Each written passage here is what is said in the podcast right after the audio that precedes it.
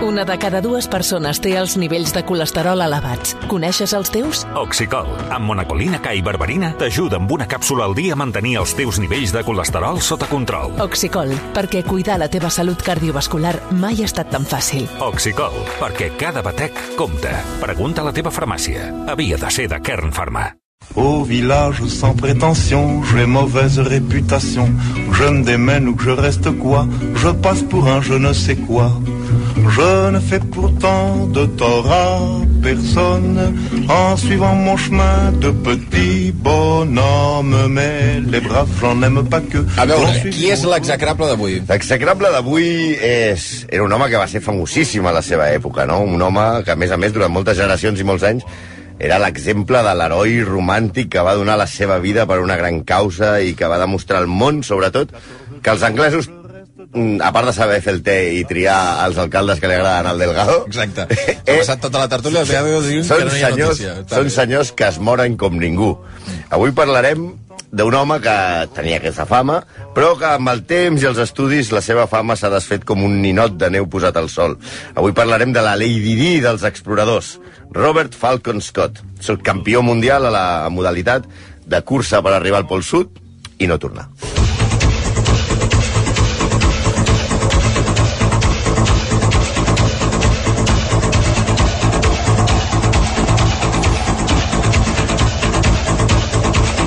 Horrible, això, eh? 16 de febrero, Polo Sur. Però què és això, ara? Mecano? Mecano. Sí, sí. Què li passa al Polo Han tocat tots els pals. I han tots els collons, saps? Sí.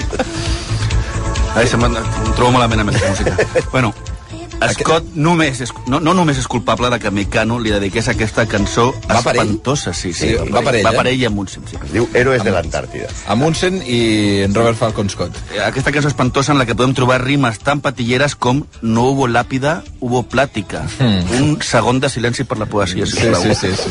A més, era un egocèntric, un classista, un barroer que va enviar a la mort als seus companys en un nyap d'expedició eh, afectat pels seus deliris de superioritat racial i, en certa manera, un estafador. Sí, parlant clar, Scott era el típic anglès cregut, insolent, eh, insuportable, amb el qual no aniries ni a la ni al bar de la cantonada a prendre't una cervesa. Com t'hi has d'anar? Com t'hi has de ficar en una expedició fins al Imagina't si pol? te'n vas al Pol Sud amb aquest tio. I els altres se'n van quasi gairebé I qualsevol. mira que eh? jo me'n vaig al bar de la cantonada en qualsevol, eh? Però, hòstia, imagina't anar a un lloc a sobre que estàs a uns 56 graus de temperatura sota zero, això no podia acabar bé de, la cap, de cap de les maneres. Home. Sí, Scott era un militar de la marina anglesa, de bona família però arruïnada, que parlant ras i curt era un trepa i que va anar escalant jocs a l'organigrama militar amb certes dificultats, perquè va néixer en un dels petits parèntesi de finals del segle XIX i inicis del XX, en el que la Gran Bretanya no estava ficada a cap guerra colonial.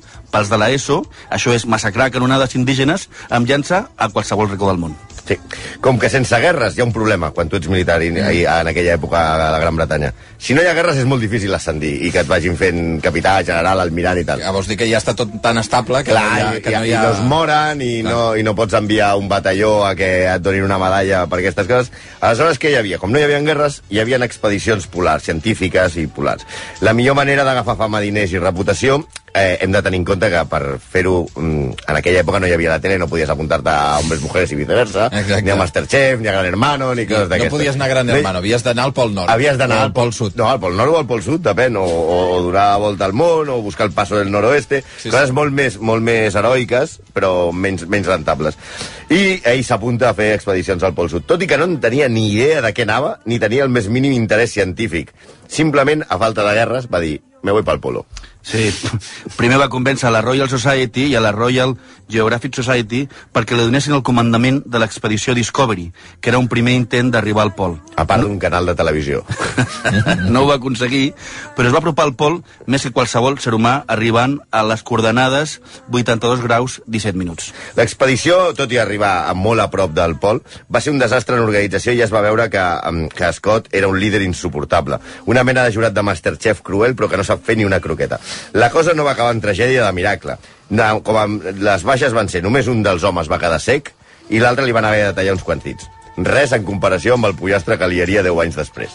Sí, Scott va xocar de seguida amb un dels seus segons, Ernest Shackleton, que mai més el va voler acompanyar Scott a les seves excursions a passar fred. Shackleton era un líder natural, un home que es desvivia pels seus i que per sobre de tot estava la, que posava per sobre de tot la seguretat de la seva tripulació, com va demostrar anys després a l'expedició transatlàntica de l'Endurance, quan en l'intent de creuar el casquet polar va estar dos anys perdut al mig del no-res i va aconseguir tornar a casa amb tots els seus homes. Un heroi, un Superman, però sense els calçotets per fora. Com m'agraden a mi quan canten Oh. els anglesos.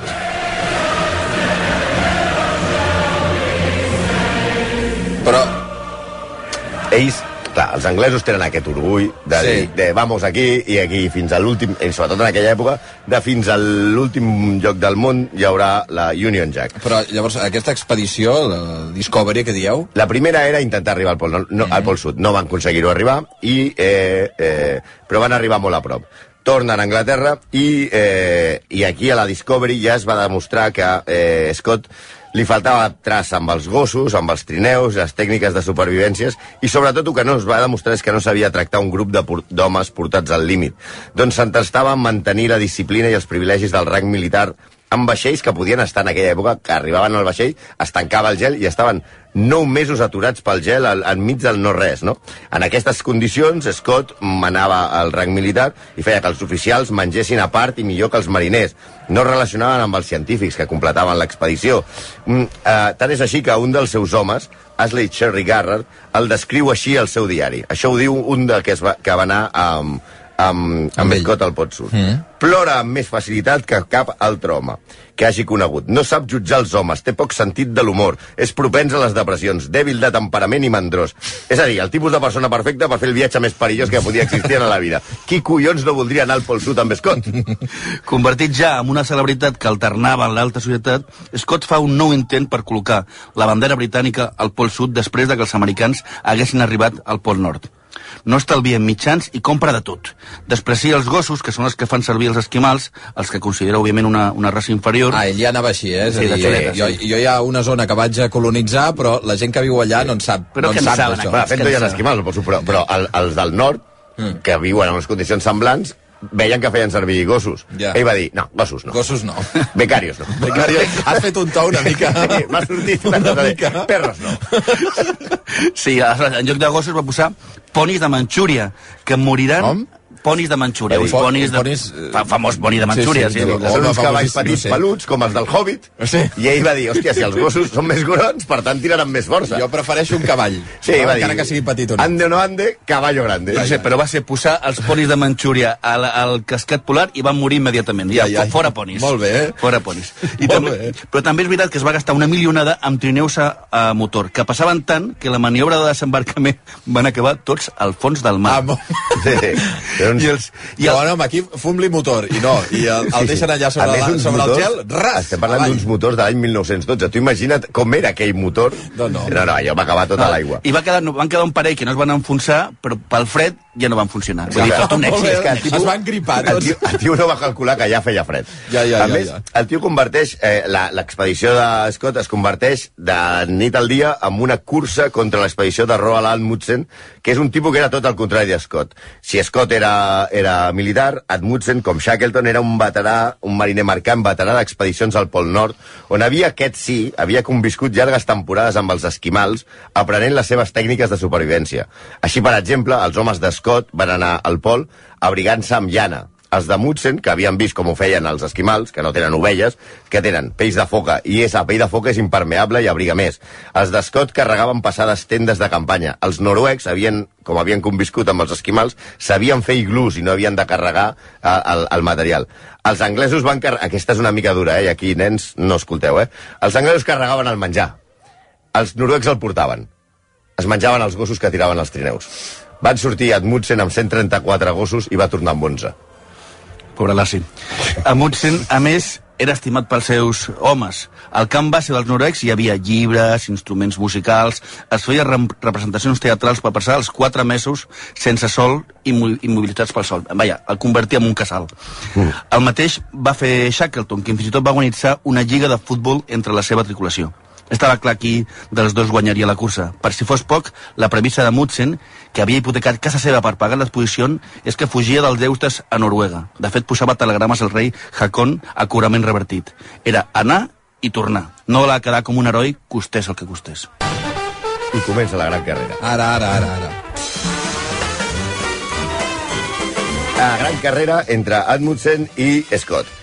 Scott es va prendre el desafiament d'Admundsen, que anava més avançat que ell, com un gran despreci a Anglaterra. I amb les presses per... I anaven així, eh? Anaven així corrent Anaven cap així, a... això és la música de la gran cap a la destinació. Great Race. Mm. Sí, anaven així i era allò de corre, corre. De fet, Amundsen va ser una mica trampós, perquè Amundsen anava al Pol Nord Ja. i quan es va enterar que els americans havien acabat d'arribar al Pol Nord, sense dir res a la tripulació, va girar el vaixell i a la illa de Madeira va anar cap a Nova Zelanda i només li va enviar un, un telegrama a Scott dient-li senyor Scott, la- l'informo que jo també vaig cap al Pol Sud. Aleshores, això a l'Scott li posa els nervis i aleshores ell comença a, a, a fer una cursa que, com anàvem poc, poc preparats, va acabar portant a la seva expedició i els seus homes a una mort segura. Per exemple, hi ha un moment que, com se li han mort els ponis, no pot carregar els animals el, el material i fa que els, els seus homes se'l lliguin a la cintura i es veuen les fotos dels, dels expedicionaris esquiant, arrossegant unes, unes bosses de, de material immenses. Segons, segons el tenat de Scott, això faria encara més heroica la gesta i és el que ha de fer un anglès. Vaja, Frank de la Jungla era un home sensat al costat del senyor Scott. La... I li va passar el que havia de, de passar. Esgotats, el Northern Party, que és com es deia el, grupet de cinc que van fer l'atac final amb Scott, van arribar al Pol Sud. Els, els noruecs feia setmanes que havien arribat. Es van trobar la bandera noruega i una carta de Mutsen desitjant sort a la tornada. Només uns purets li podien haver deixat. Sí, Els faria falta. un Ferrero Rocher. Scott, Scott es va limitar a dir el pitjor ha succeït. Aquest joc és horrible. Bon moment per adonar-se.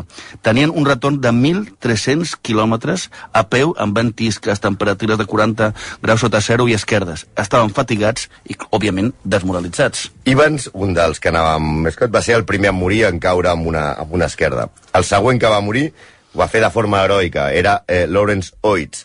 Malferit, retrasava la marxa dels seus companys i un dia en plena nit i amb la tempesta a, a, tot, a tot Beter, va sortir a la tenda sense abric i descalç, deixant una nota als seus companys que deia surto fora, potser per algun temps. Que, evidentment, no va, no va tornar. Anys després, van trobar el diari de eh, Oates eh, congelat al gel, una expedició de rescat. I aquesta era l'op- l'opinió que tenia A. Oates de Scott. Diu, no m'agrada gens Scott. Ho enviaria tot a pastafang si no fos perquè és una expedició britànica. No actua amb rectitud. La seva primera preocupació és ell mateix i la resta no li importem. Sí, mesos després de nou mm, dies bloquejats amb una tempesta, esgotats i sense aliments, Scott i els seus van veure que la mort era inevitable.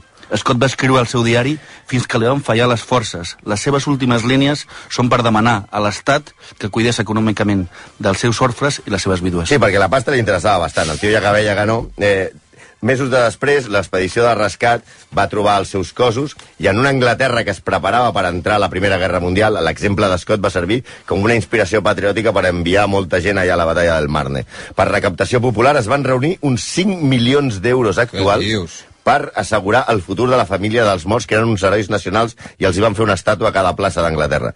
No és que es repartissin aquí equitativament aquests 5 milions d'euros, només és dir-vos que la família d'Escott, per exemple, li van, li van tocar 1,3 milions. La d'Evans, que ha de ser que anava penalitzat per ser el primer a empalmar, 109.000 euros. Ah, només. Sí. Estic d'acord. Sí, amb el pas del temps i el descobriment dels diaris dels seus companys d'expedició, la personalitat de Scott es va descobrir-se i va perdre popularitat. Va quedar com un malogamaníac maldestre que, en paraules de Francis Spufford, va condemnar els seus companys i va cobrir la seva petjada amb retòrica. El 2002, en l'elecció dels 100 anglesos més importants de la història, va quedar amb el lloc 54. No està malament. Sí, Ah, però per darrere de Boy George, Ah, sí? David Beckham o Margaret Thatcher. Shackleton, el seu gran rival, era el número 11. Número 11, eh? Con el 11, Shackleton. Aqu- Exacte. Aquesta és la història eh, vista amb el prisma dels execrables de Robert Falcon Scott. Com deia el, el Santi, sots campió mundial de cursa per arribar al Pol Sud i no tornar. Aquesta seria la, la, la història. Ja sabem què fem la setmana que ve o no? Farem... Anirem... Mira, com no fem... Perill? Perdó, només he de saber. Perill? Perill, no, tampoc No? massa. A no ser que hi hagi molts fans de Frida Kahlo. Hòstia, Sí, quins corsers, eh? jo en conec uns quants. Uh, bé, doncs uh, ja veurem. La setmana que ve, Santi Jiménez, que es dediquen, bàsicament, i el Malcom Otero, que es dediquen a agafar gent que habitualment la gent considera grans herois internacionals i a buscar la, la part fosca. Senyors, gràcies, eh? La La setmana que ve... de Frida Kahlo estava sobre els seus ulls. Va. Oh, oh, per favor. Les 10 i Adéu. un minut. Gràcies, Santi.